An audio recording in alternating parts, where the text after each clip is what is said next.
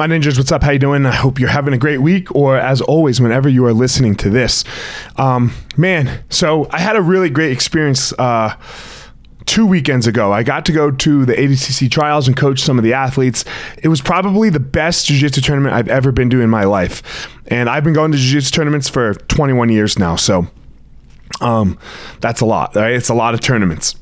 so, um, what made it the best was the level of the athlete. What made it the best was, uh, look, it was just like match after match, straight fire. But that's not what I really want to talk about this all for. Um, what I want to talk about this week, you know, was I had to come to a realization. Uh, I had signed up for this jiu-jitsu tournament, and I was going to compete uh, I think I even got a really high seed. I think I got like the third seed or something in the tournament.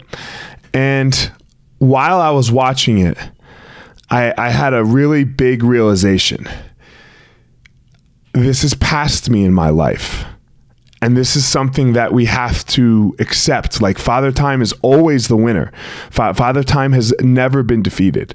Now, am I saying that I couldn't do a single match with any single person in that division?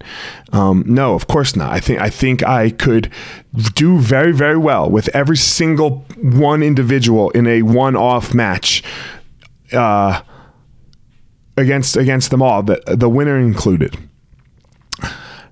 But a tournament with over a hundred people in the division, that's a lot of matches um, could I do it? Of course I could do it. What would the after effects be? Is what the question comes down to. Now, look, I'm injured and I couldn't. So, um, but what what would what would happen to Elliot post the tournament? In the moment, always let's go. Let's go. But after things happen, after events, after our uh, things or uh, things events that occur to us in our life we have to take take stock and readdress and say okay skillful unskillful where could i do better? Where could i do worse?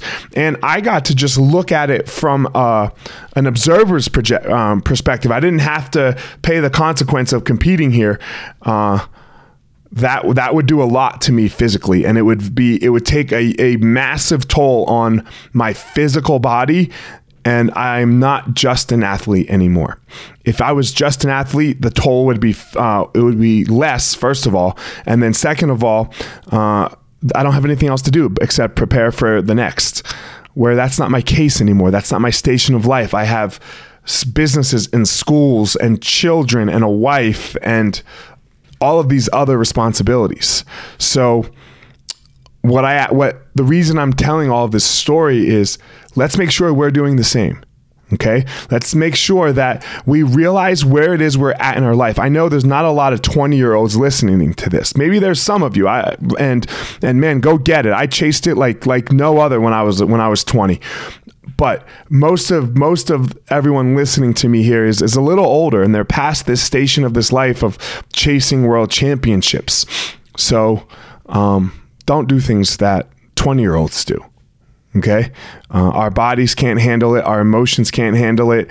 Our the other stresses of our life cannot handle it. So, um, this is a uh, be aware. This is we're gonna call this one realize. You know, this is Monday Motivational 59. I think realize. Realize where you're at in your life. Realize what's healthy for you. Realize what's not healthy for you.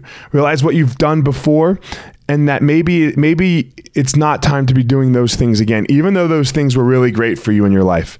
So um, we always have to be noticed i, I, I never say uh, find your purpose. I say discover it. I want you to constantly be discovering dis, i'm sorry yes discovering your purpose you know and i and your passion right? I'm sorry it's your passion. I always say discover your passion right? So uh it's because it's constant. It's never. It's never. It doesn't stop. You don't. You don't find it and then you then no. Okay. I believe your power you find. You find your power, but you keep discovering your passion. What are you passionate about? You're going to need your power for that, and that's what's going to lead you to lead you to giving your purpose away. So as always, my ninjas, discover your passion, find your power in it, and then go give your purpose to the world.